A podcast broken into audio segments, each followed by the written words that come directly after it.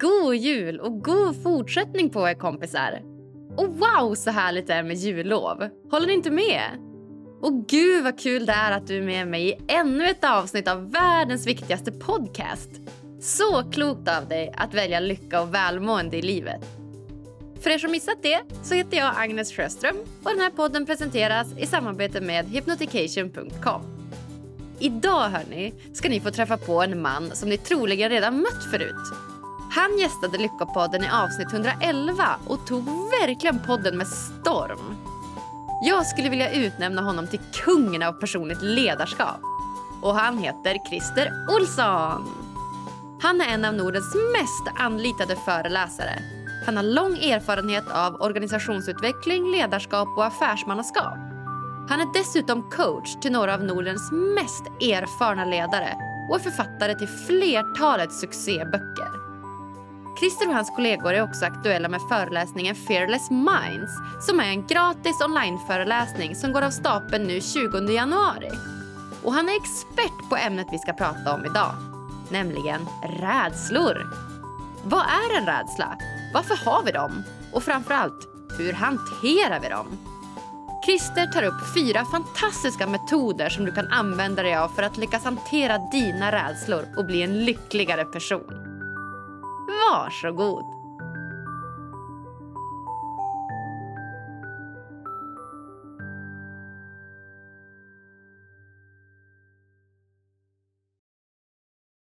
Då säger jag halli hallå till veckans gäst, Christer Olsson.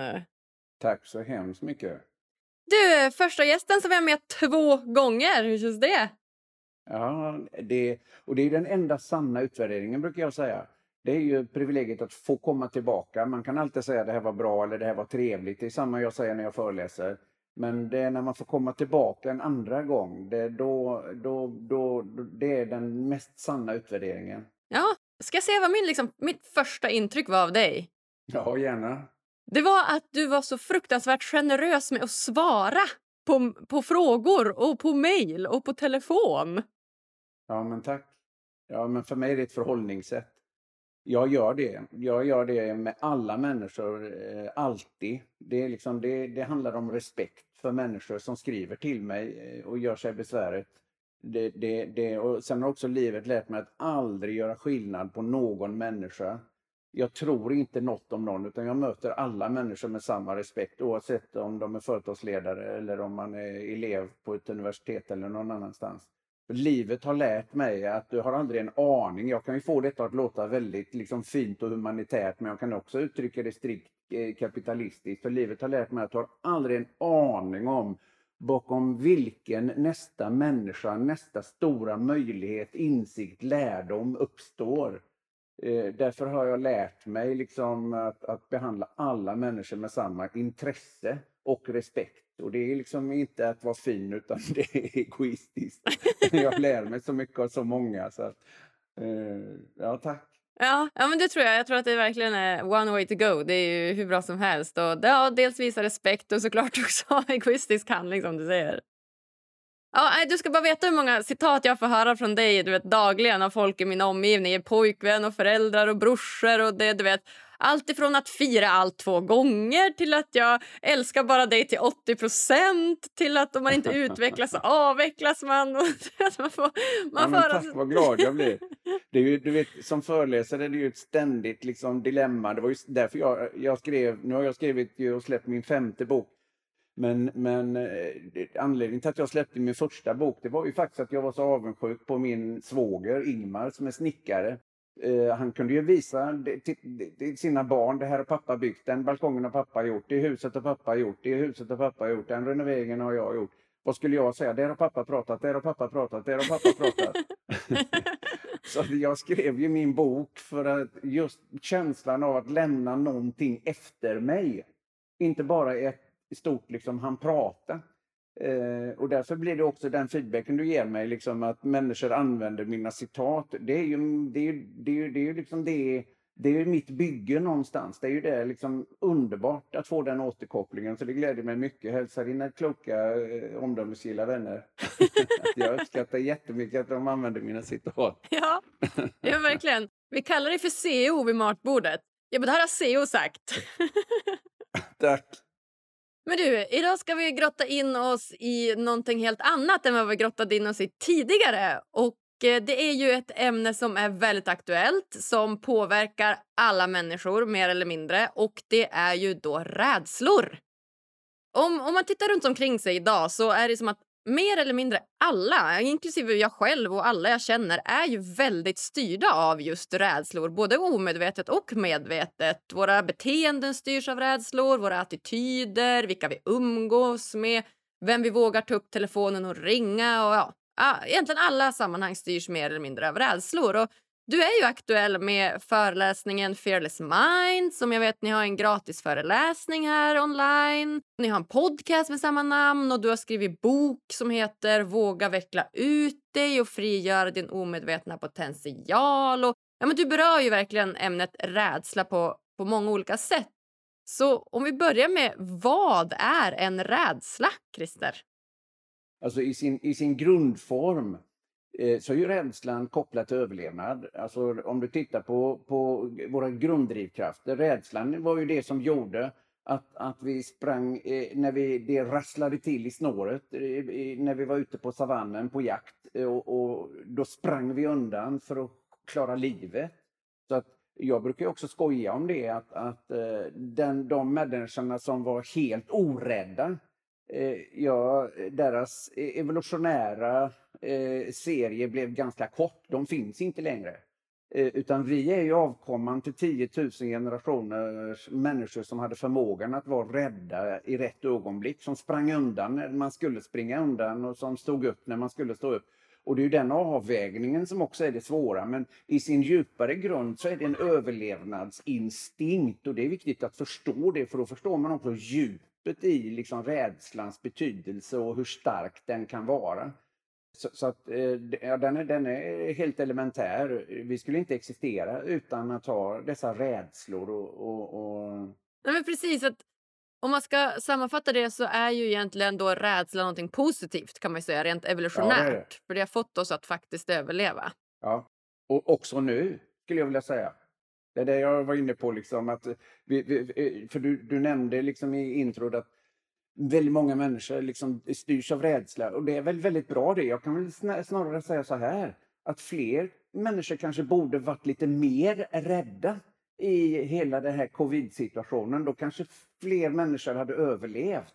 Hade fler människor varit rädda för de här hoten som eh, myndigheten började kommunicera redan i våras Eh, ja, då hade vi kanske inte betett oss så vårdslöst som väldigt många de facto har gjort. Sen är det många som helt oskyldigt också har medverkat till smittspridning för de har inte vetat att de ens har varit sjuka när de har spridit smitta och så vidare. Så att man ska vara försiktig liksom med att döma eh, och bedöma i, i de här processerna. Men eh, rädslan nu tycker jag i allra högsta grad, vi, vi, det, det, det, ja, det är, en, är väldigt sund. Det, det enda man ska tänka på, jag citerar ju väldigt ofta Erik From eh, Erik From sa, en överdriven styrka blir en svaghet. Och den är så briljant som tankefigur. Alltså den noggranne blir pedant blir aldrig färdig. Den eh, flexible blir vårdslös och slarvig.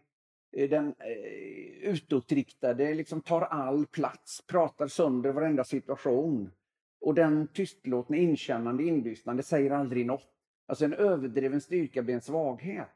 Den är så briljant och det gäller också rädslan. Alltså människor som idag inte vågar gå ut, som knappt ens vågar ta emot på, mat på, på, på, på farstun eller utanför dörren. Alltså, som har eh, ångest, ja då har det blivit en, en överdriven styrka som har blivit en, en, en, en nackdel och en, en svaghet. Och det ska vi ha respekt för. Men i sin grundform och för oss som liksom inte hamnar i de fallen så är rädslan sund. Och det tror jag är bra att omfamna den med. Det är inget negativt, det är något bra. Du är rädd, bra. Det är en varning för någonting.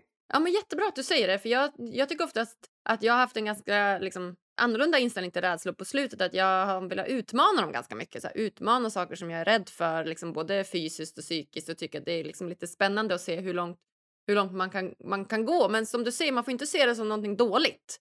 Utan man får ju se det som, som något faktiskt som har gjort att vi har överlevt. Ja, absolut. Rädslor är, det är samma som feber. Feber är något jättebra. Det är någonting som hjälper dig att ta död på, på bakterier och virus i kroppen. Och det är samma med rädslor. Rädslor har en, en, i allra högsta grad en jätteviktig evolutionär funktion. Och, och, tricket är ju hur hanterar vi dem? Hur kommunicerar vi dem i en organisation? Hur hanterar vi dem som individer? Att liksom förstå dem, att lyssna på dem är sunt. Sen eh, jobbade jag ju jättelänge med Maria och Sofia. De, vi har gått skilda vägar rent bolagsmässigt men vi jobbar fortfarande jättemycket ihop och jag eh, är väldigt för det, det de gör och det, det de eh, driver med Fearless Minds och, och jag delar värderingen att skapa en miljö där vi siktar på att inte ha rädslan liksom närvarande i en organisation, den är väldigt central. Och särskilt nu om vi då återigen kopplar till covid-tider, för jag pratar ju otroligt mycket om att allting som inte utvecklas avvecklas. Det är ju en av mina kärnbilder, behålla en livsfarlig idé. Det har aldrig varit så viktigt som idag att vara prövande, lärande och levande. Vi har tekniska utmaningar. Du och jag hade en liten teknisk utmaning när vi började här vi måste, ja men då testar vi så, nej men då testar vi så, nej men om vi gör så, om vi gör så. Och då, då, då prövar vi och så lär vi och så får vi det att funka. Och då, då får man inte vara rädd. Ja, men tänk om det inte funkar. Tänk om det inte blir bra. Tänk om hon nu tycker att jag är en teknisk idiot. Tänk nu om han inte liksom, tänk om hon. Rädslan får inte styra oss i detta prövande lärandet och levandet. Och så är det ju med väldigt många nu med digitala möten. Och, och en av många saker som jag hävdar, nu heter vi Lyckopodden vi pratar idag, Alltså en, en lyckohämmare för närvarande, det är alla jädra checklister. Jag hatar alla checklister som har dykt upp i, i, i digitaliseringens tider. Man ska ha checklister för att vara eh, digital ledare, det är checklister för digitala möten, det är checklister för att vara digital kompis, det är checklister för att... För, vad tog hjärnan vägen? Alltså, vad tog det egna tänkandet vägen? Vadå checklistor? Ja, det finns de som vill eh, eh, eh, prata med sin chef varje dag för att få berätta vad de har gjort under dagen och känna att de får en bekräftelse och en återkoppling varje dag. Medan andra säger, har du kontrollbehov? Jag ringer dig nästa fredag när jag är färdig. Alltså olika människor har olika behov. Kierkegaard är fortfarande aktuell. Att möta en människa där de själv befinner sig och leda henne därifrån i den takt hon själv förmår. Ja, men hur vill du att vi ska jobba nu digitalt? Ja, men fråga! Krångla inte till det. Alldeles för många krånglar till för mycket. Och då är det rädsla. Rädsla för att inte göra rätt. Rädsla för att inte duga istället för att ha. Sen nu, nu testar vi. Vi har ett prövande, lärande förhållningssätt i organisationen nu. Och så testar vi. Och verkligen i grunden förstå att utkomsten av varje handling kan bara vara en av två eh, möjliga. Antingen lyckas du med det du avser eh, att, att genomföra eller också lär du dig någonting. Vad är problemet? Helt sant. Pröva, lära, lev. Ja, verkligen. Det behöver vi i många organisationer få in som en kultur. För då försvinner rädslan. Alltså misslyckas som man gjort när man slutar göra misstag. Det, sånt, det här behöver vi prata om. Ja, men tänk om det blir fel. Ja, men vad bra, då lär vi oss. Och du kan ju alla de här gamla, du vet, eh, när, när, när Watson han skulle göra lampan och liksom, ja, nu har du misslyckats 200 gånger att du orkar. Nej, jag har bara identifierat 200 sätt som inte fungerar.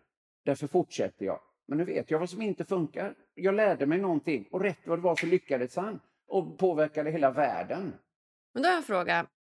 För nu är vi lite grann på liksom varför vi är så rädda och varför vi misslyckas. Som du säger så, så så att misslyckas idag, precis, det ser vi som någonting dåligt. Vi ser det som något vi, har, att vi inte har klarat av. Det, det kanske sätter sig på självförtroendet, självkänslan. och nej, vi har inte klarat av det här. Tror du att det är det i sig vi är rädda för? Eller tror du att vi saknar någon slags acceptans från oss själva och andra? Är det där det, det brister? Eller vad tror du?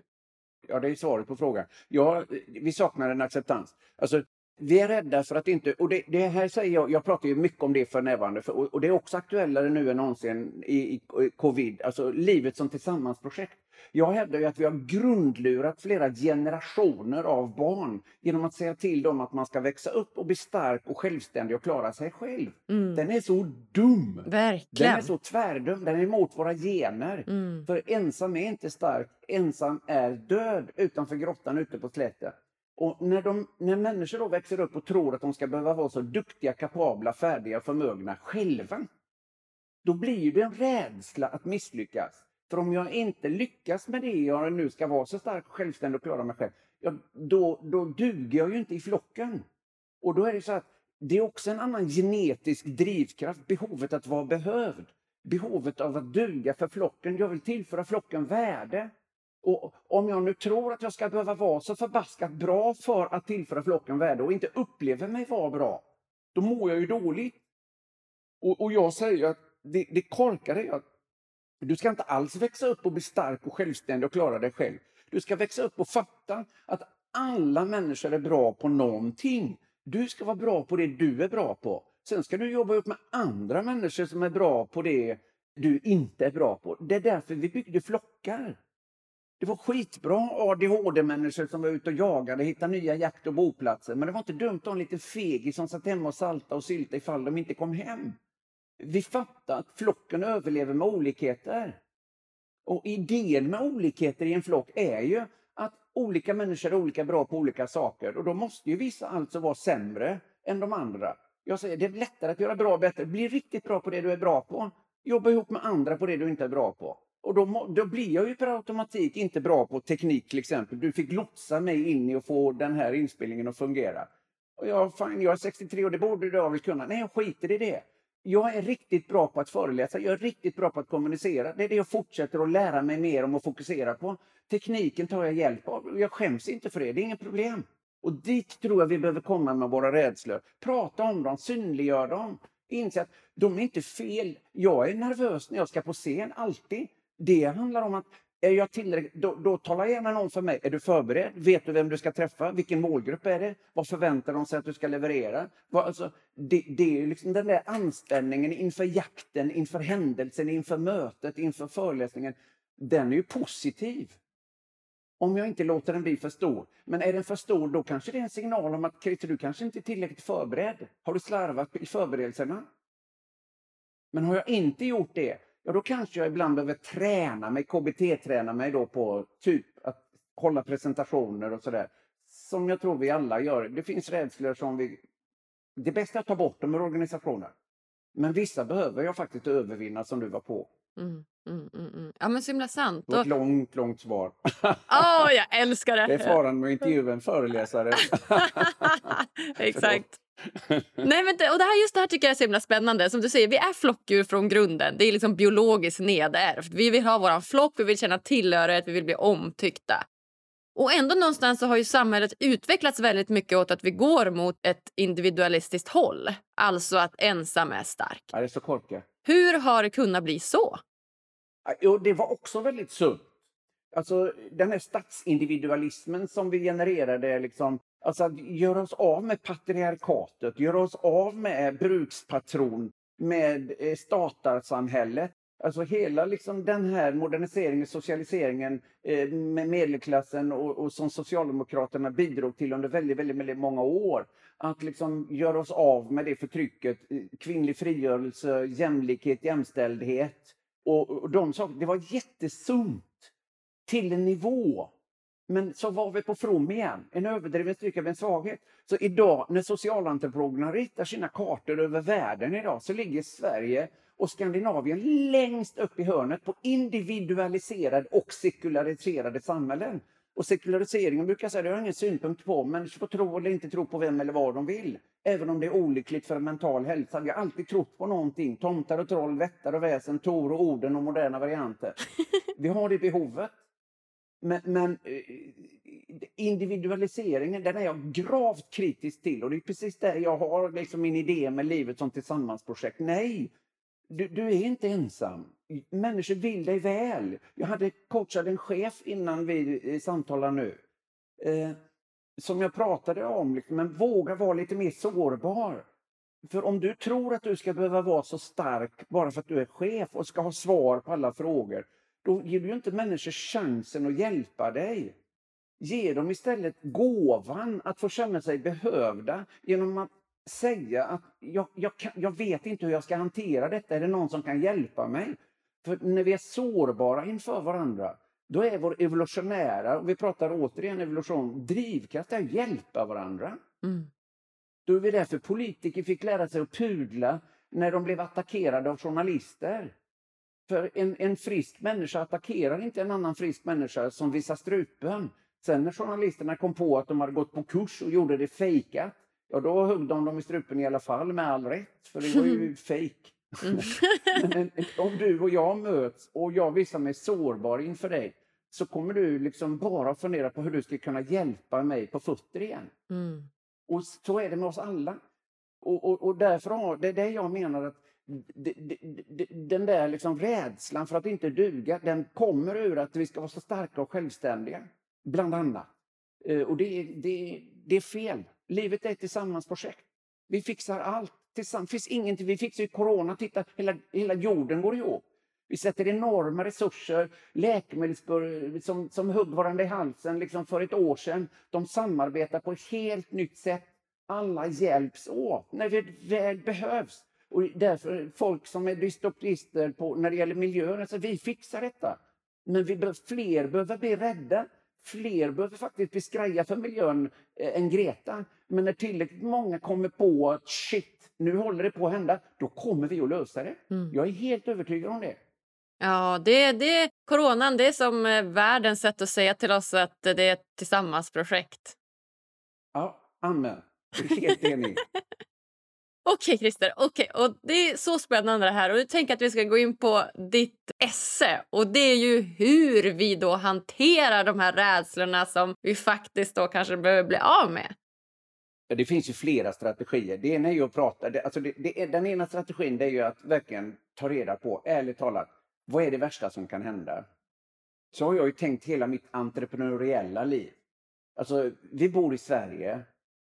Ja, jag funderar på att starta eget. Ja, men, ja, men tänk om det, ja men det kan ju bli så. Och är det unga människor så säger jag, vad är det värsta som kan hända? I mitt fall när jag startade mitt första bolag, liksom, vad var det värsta som kan hända? Att jag inte hade råd att bo kvar i lägenheten. Ja men då får jag flytta hem till föräldrahemmet. Ja men det vore väl ändå en nesa? Nej, liksom, jag skulle, det, det är en ganska härlig miljö. Alltså eh, i ett globalt perspektiv, i mitt föräldrahem liksom ligger på Öckerö i Göteborgs skärgård. Liksom jag skulle kunna flytta hem dit och jag skulle alltid få lite skog och holmslimpa och mjölk. Liksom, vad är det värsta som kan hända? Jag skulle bo i en miljö som många skulle avundas med, även om det var liksom i föräldrahemmet. Alltså att någonstans våga möta, vad är det värsta som kan hända? Och då kommer det att visa sig att realistiskt, för, och då, lyssna noga nu ni som lyssnar, för när du är rädd för någonting, då, då, mitt första verktyg det är skriv ner vad du är rädd för. Inte bara tänk det, för tanken går sju gånger så fort som pennan och munnen.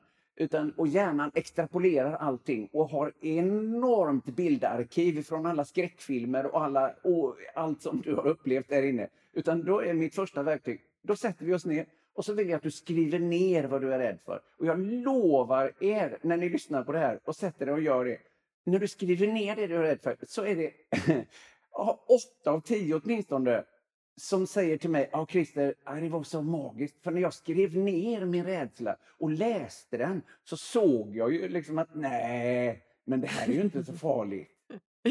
Vad härligt! Så, ja, det är det faktiskt. Så mm, skriv ner din rädsla, ställ dig frågan, vad är det värsta som kan hända? Och du kommer många gånger. Det är klart att är svaret att jag kan faktiskt dö, ja, då, ska vi, då, är det, då ska vi seriöst analysera. Då har du en synnerligen berättigad rädsla. Vad ska vi då, på vilket sätt kan vi säkerställa att du inte gör det? Är det något du ska utsätta dig för? Hur kan du säkerställa det som möjligt? Är det någon sjukdom, någon diagnos? Vad gör vi? Alltså, vad gör vi åt det här när risken är definierat hög? Och då, klart, då finns det inga klämkäcka liksom, råd, utan då hanterar vi rädslan. Då vet vi ju det. Vad är det värsta som kan hända? Ställ den frågan.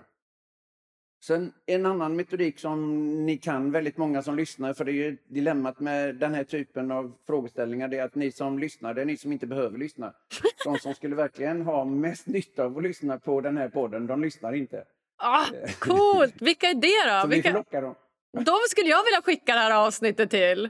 Ja, jag sprider bara till, till, till de som inte automatiskt lyssnar. För de som automatiskt lyssnar, de lyssnar på andra poddar, de är intresserade av den här typen av böcker. Det är sant. Det är så jag lever mitt liv.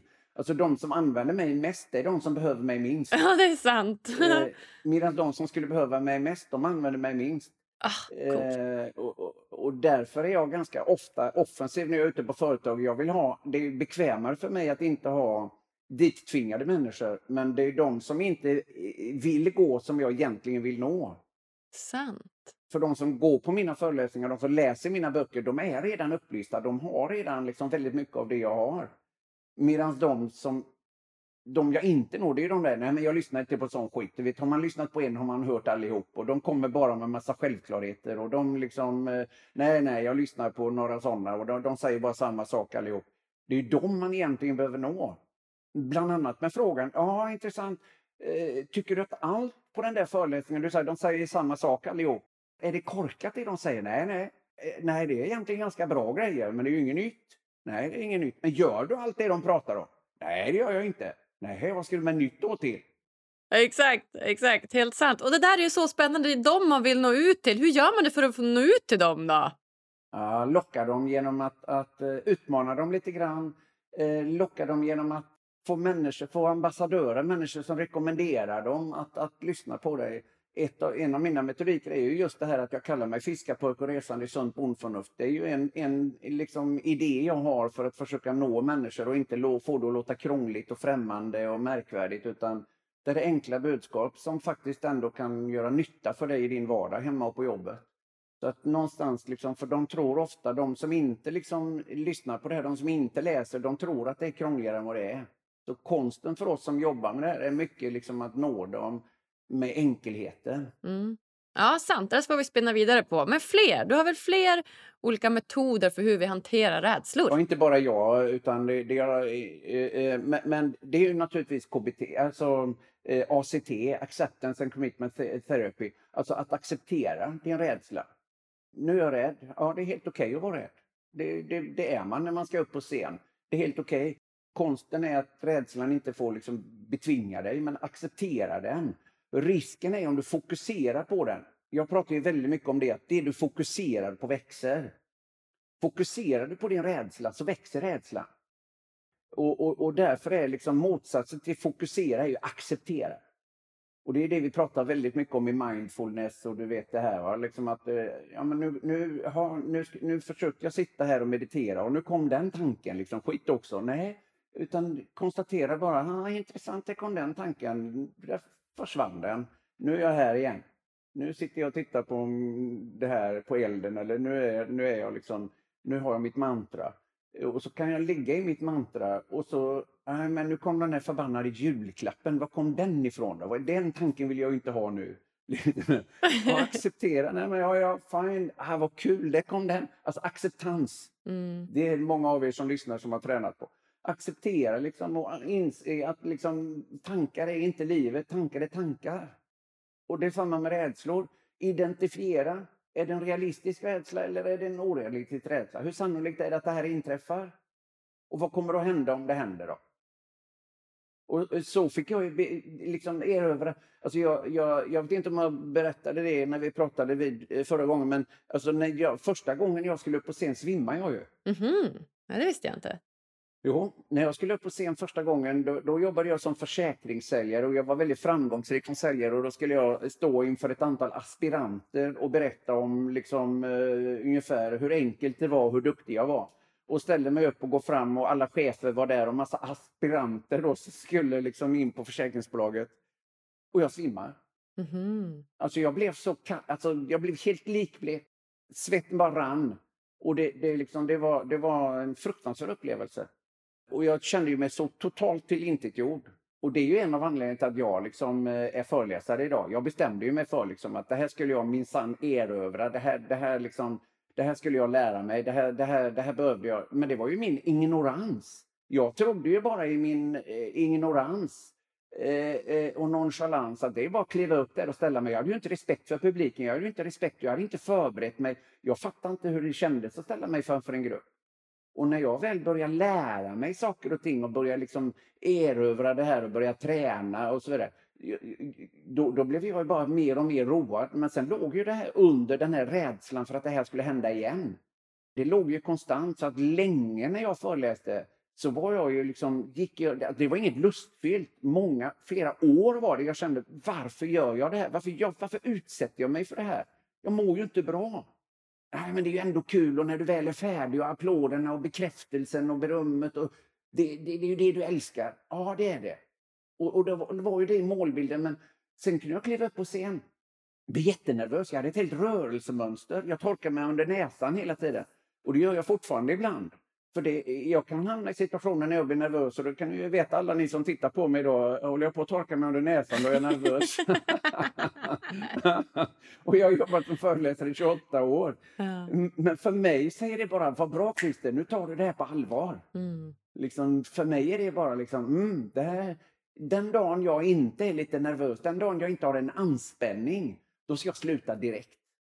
För då tar jag inte jobbet, då tar jag inte målgruppen. Människor har ju faktiskt investerat tid, det enda ändliga resursen. Pengar kan du förlora och tjäna nya. Människor har investerat tid av sitt liv för att lyssna på mig. Och då, då, då, då har jag ett jätteansvar att förvalta den tiden. Det är så jag tänker. Och då blir jag lite nervös. Ja. Är det, skulle du säga att det är den största rädslan du har överkommit i ditt liv? Ja, det är det. Det är det. Tveklöst är det det. ja, det, att, att, att bli bekväm på scen, eh, det är den största rädslan. I kombination med att jag ju, eh, blev kär i en alpinist. Alpinist? Ja, min fru jobbade som ski safari-guide när vi träffades. Var i Alperna och, och, och då, då gick, åkte man upp. Det fanns en, de jobbade på ett företag som heter Ski Safari. De åkte till en ort och sen åkte de liksom, vandrade de på fjället och åkte ner till andra orter. Då. Alltså, det var ski safaris. De, de tog sig från ort till ort i Alperna på skidor. Wow! fantastiskt. Ja. Och jag hatar att åka kabin. och gjorde då också. Men jag insåg ju, skulle jag få Carina så var det bara att, att åka kabin. Men om du frågar mina största rädslor, där var det mycket liksom KBT-träning. Det, det var många kabinfärger. Jag satt på golvet i kabinen liksom, eh, och mådde skitdåligt. Sen efterhand, så jag tycker fortfarande inte det är trevligt att åka, eh, hänga i, i vajrar eh, 100 meter över marken, men idag gör jag det. Men, men eh, och jag fick ju försöka skärpa mig när vi var i Alperna med barnen och så, men det var min nästa stora rädsla jag erövrade och det var kärleken som fick mig till det.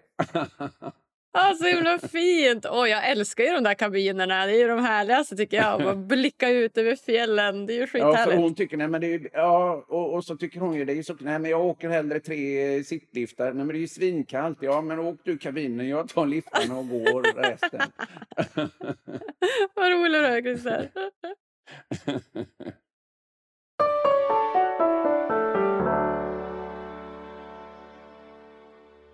Vill du stärka din självkänsla, sova gott och må bättre? Då borde du testa vägledd självhypnos. Det enda du behöver göra är att lyssna, slappna av och följa instruktionerna. Gå in på hypnotication.com och hitta dina favoriter idag. Ange koden LYCKA för 15% rabatt på hela köpet.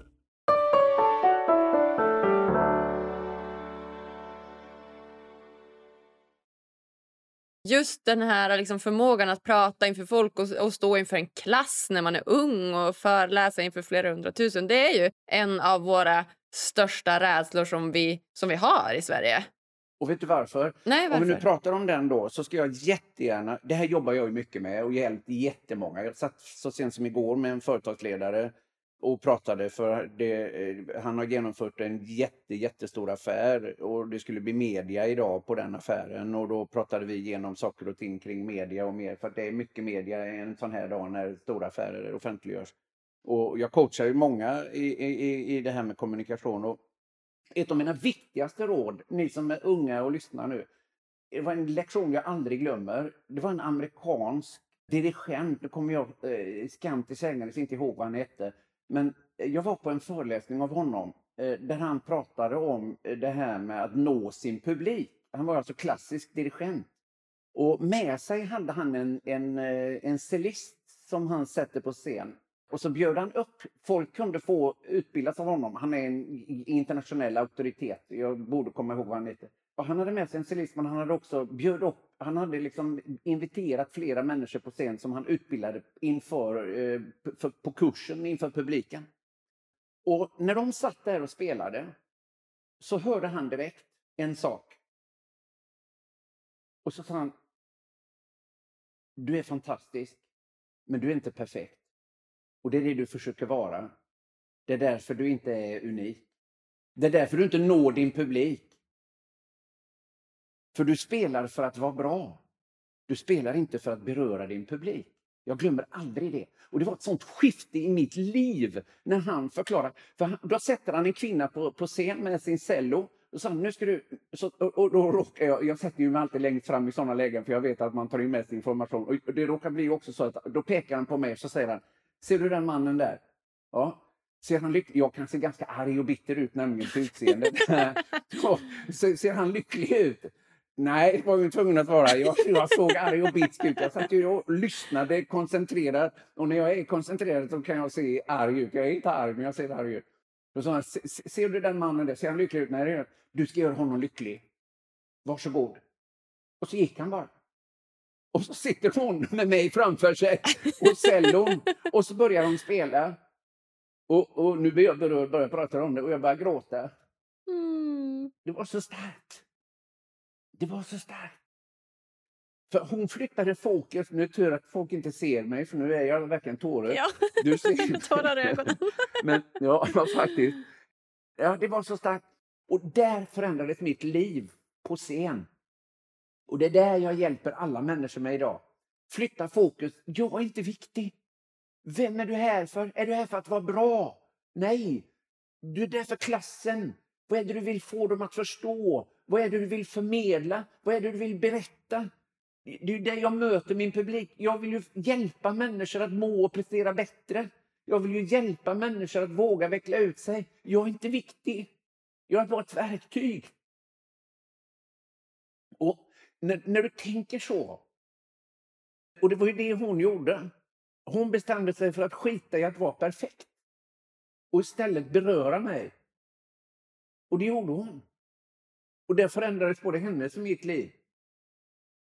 Det var en enorm lektion. återigen, om vi pratar rädslor. Det är det som flest bör släppa. Skit i dig själv.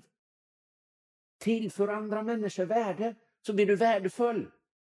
Och när andra människor upplever att du är värdefull, då kommer de ge dig motvärde för de uppskattar det värde du ger. Lagen om orsak och verkan tillför bara värde, gör dig värdefull för dem. Du är inte här för att vara bra. Jag, det är därför jag säger, släng alla jävla lister, förlåt språket. Eh, hitta ditt sätt. För jag vill ju nå människor, jag vill nå ut med ett budskap. Jag är inte här för att vara bra. Jag är här för att så tankefrön. Och jag skiter i om du tycker att jag är bra, bara du förhåller dig till det jag säger. Du behöver inte hålla med som jag säger när jag föreläser. Men diskutera vad jag tycker. Jag, nej, jag håller absolut inte med vad han sa. Nej, det är helt okej. Okay. Vad tycker du då?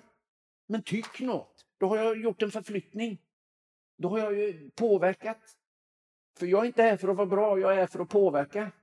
Är du med? Flyttar du fokus från dig själv och var bra och duktig. På tal om rädslor, då blir du av med så mycket rädslor så det, det finns inte. För om du skiter i att vara duktig, det är det duglighet och duktighetshelvetet som så många människor fastnar i, som skapar så mycket rädslor i onödan. Och därför förmår du att flytta fokus från dig till, till, till, de, till de andra. Vad är det du vill förmedla? Varför vill du förmedla det? Varför är det viktigt för dem att förstå? Jo, men tänk om alla hade kommit på det här som jag pratar om nu. Jag blir så berörd bara av att prata om det att jag liksom blir jätteemotionell. Jag, jag skulle önska att alla liksom flyttar bara fokus från dig själv. Det, du är viktig genom att du betyder något för dem, men inte för att du ska vara bra. Och jag insåg också att som föreläsare, jag blev årets föreläsare förra året och, och sånt där. Och jag har aldrig ställt upp på sådana tävlingar, jag gillar dem inte.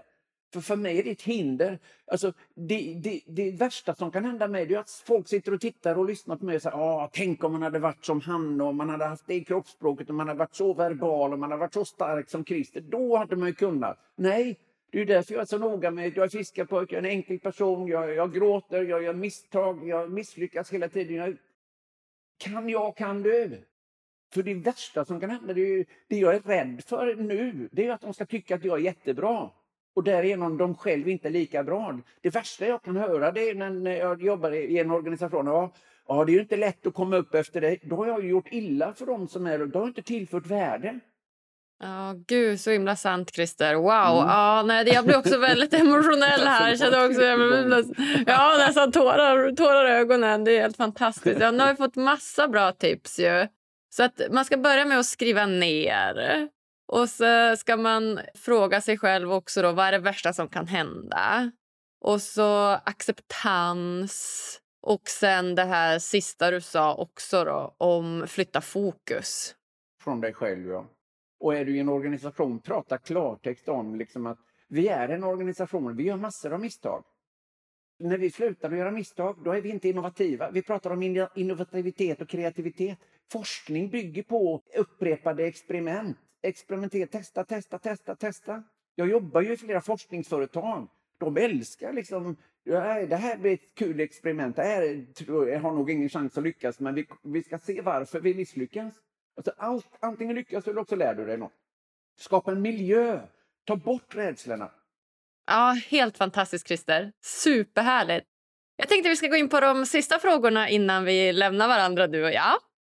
Och eh, Den första frågan är ju då, vad gör dig lycklig? Och Nu har du svarat på de här frågorna en gång tidigare, tidigare eh, avsnitt. Får vi se om det blir samma svar igen. Då. Ja, men då får vi se. Det är inte alls säkert att jag svarar samma igen. Ja. Nej. Vad gör mig lycklig? Det är att få göra andra lyckliga. Det är när jag får beröra andra människor. Framförallt min familj såklart. Liksom den trygghet jag känner. Om, om jag liksom, men, eh, alltså, det, det som gör mig mest lycklig, helt brutalt just nu, det är mina barnbarn. Att se sin son ha blivit pappa och att få liksom... I eftermiddag ska jag hämta två, två tvillingtjejer som fyller fem i januari. Då hämtar jag dem på förskolan. Och då promenerar jag dit oavsett väder och vi tar på oss och i, i, i, i reflektvästar och grejer. Och sen den ena tjejen framförallt, sen är de sakletare, de gör fynd, de hittar kapsyler, de hittar fimpar, de hittar äh, allt möjligt på hemvägen. Och jag får hjälpa dem att bära. Och det kan ta en timme att gå en kilometer med de två. Och det är, det är lycka för mig.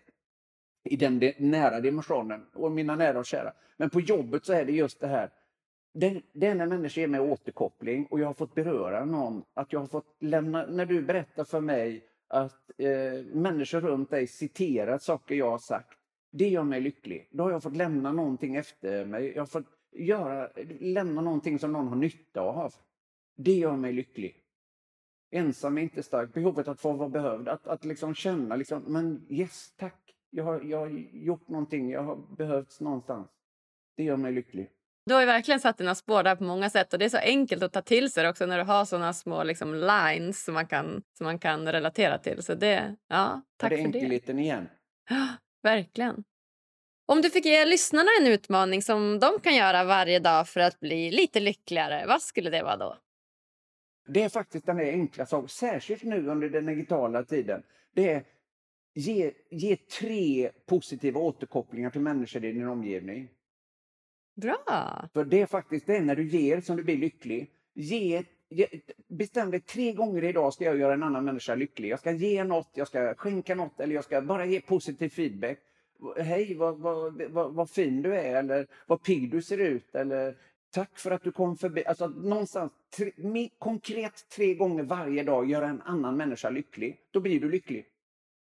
För det är när du gör andra människor lyckliga du själv. För alltså det, lycka är ju som en såpad gris. Det finns ju det där bröllopstalet. lycka är som en såpad gris eller som tvålen i badkaret. Försöker du fånga lyckan får du den inte. Lyckan är en konsekvens. Fatta det. Om du försöker bli lycklig blir du aldrig lycklig. Lyssna noga nu alla lyckopoddslyssnare. Försöker du bli lycklig blir du inte lycklig. Försöker du göra andra människor lyckliga, då blir du lycklig. Och så kan du fundera på hur gick det här till då? Ja, exakt, ja, exakt. Du gjorde andra människor lyckliga. Men fortsätt med det då. Det är de lyckligaste människorna, det är de som gör andra människor lyckliga. Och de olyckligaste, det är de som går omkring och försöker bli lyckliga. Ja, ja så himla bra. Ja, verkligen. Det är som en liten paradox här. Att försök inte bli lycklig så blir du lycklig. Gör andra lyckliga, då blir du lycklig. Ja, det är mitt viktigaste budskap faktiskt. Ja, ja men det är helt underbart. Eh, ja, om man vill komma i kontakt med dig, hur gör man då? Googla bara christerolsson.se eller cogroup.se eller christerolsson cogroup.se. Det låter pretentiöst. Eh, jag håller på att ändra det till Christer Olsson AB bara, men jag hade ju flera företag och då var det någon som skapade det. Men Christer.olsson cogroup.se. Det är min mejladress. Eller nå mig på LinkedIn. Jag svarar alla alltid, precis som du så trevligt komplimerar mig för inledningsvis. Det roar mig jättemycket. Så har du feedback från podden, skriv gärna. Det betyder mer än vad du tror. Folk tror att ah, men du får så mycket feedback. Och så alla tror att jag får så mycket feedback, så jag får inte så mycket feedback. Nej, det är också paradoxen. Jag håller med. Jag tycker det är likadant. Och, Ja. och du har alltid varit så generös med det. Så att, eh, ja, verkligen. Ja, men ge Christer mer Ja, feedback. Han förtjänar det. Ja, då gör du någon lycklig. Lyssna Ja. nu, du Lyckopods lyssnare. Om du ger mig feedback så gör du mig lycklig och då blir du lycklig som en konsekvens. Du hör det? Ja, exakt. Du ser, det är ett vinnande koncept. Ja. Fantastiskt. Ja, tusen, tusen tack. Det var en jättehärlig pratstund. Är det något slutligen som du känner att du vill dela med dig av till lyssnarna innan vi lämnar varann? Nej, jag tycker kanske jag redan har pratat för mycket. Nu får vi vila öronen på dem. Nu ska du, ja, det är reflektera. Reflektera mer och flytta fokus från dig själv. Du duger som du är. Alla människor är bra på någonting. Kom ihåg att jag gick i obs-klass för att jag pratade för mycket i skolan. Vad lever jag på idag? Jag lever på att prata. Tänk på det. Alla är bra på någonting. Någon är bra på att lyssna, någon är bra på att prata, någon är bra på rörelse och motorik och kan inte sitta still. Det är perfekta PT. andra. det finns massor av, det finns plats för alla i, i hela vårt samhälle och alla behöver inte bli akademiker. Då finns det ingen som vårdar, alltså, som kör taxi, som bygger vägar, som bygger hus. Alltså jag skulle kunna sitta och göra den listan hur lång som helst. Alla människor är bra på något. Var bra på det du är bra på. Jobba ihop med andra människor. Livet är ett tillsammansprojekt. Det blir mitt slutord. Ja, fantastiskt. Jag säger bara tack, tack, tack snälla bästa Christer för att du kommer gästa oss här på Lyckopodden. Ja, tack så hemskt mycket för att jag fick göra det. Tack ska du ha. Åh, finaste Christer. Hur fint var det inte att lite tårar rullade ner för hans kinder? Jag blev så rörd av hans kloka ord. Se till att hoppa på den där kabinbanan för kärlekens skull. Och se till att ställa dig och prata inför folk fast du inte törs. Det är något jag tänker göra i alla fall. Tycker ni det här var lika bra som jag? Gå gärna in på iTunes eller Podcaster och ge oss så många stjärnor som du tycker det här avsnittet förtjänar. Du hittar oss också på alla sociala medier under namnet Lyckopodden. Och du, tack för att just du lyssnar. Vi hörs på tisdag igen. Puss och kram!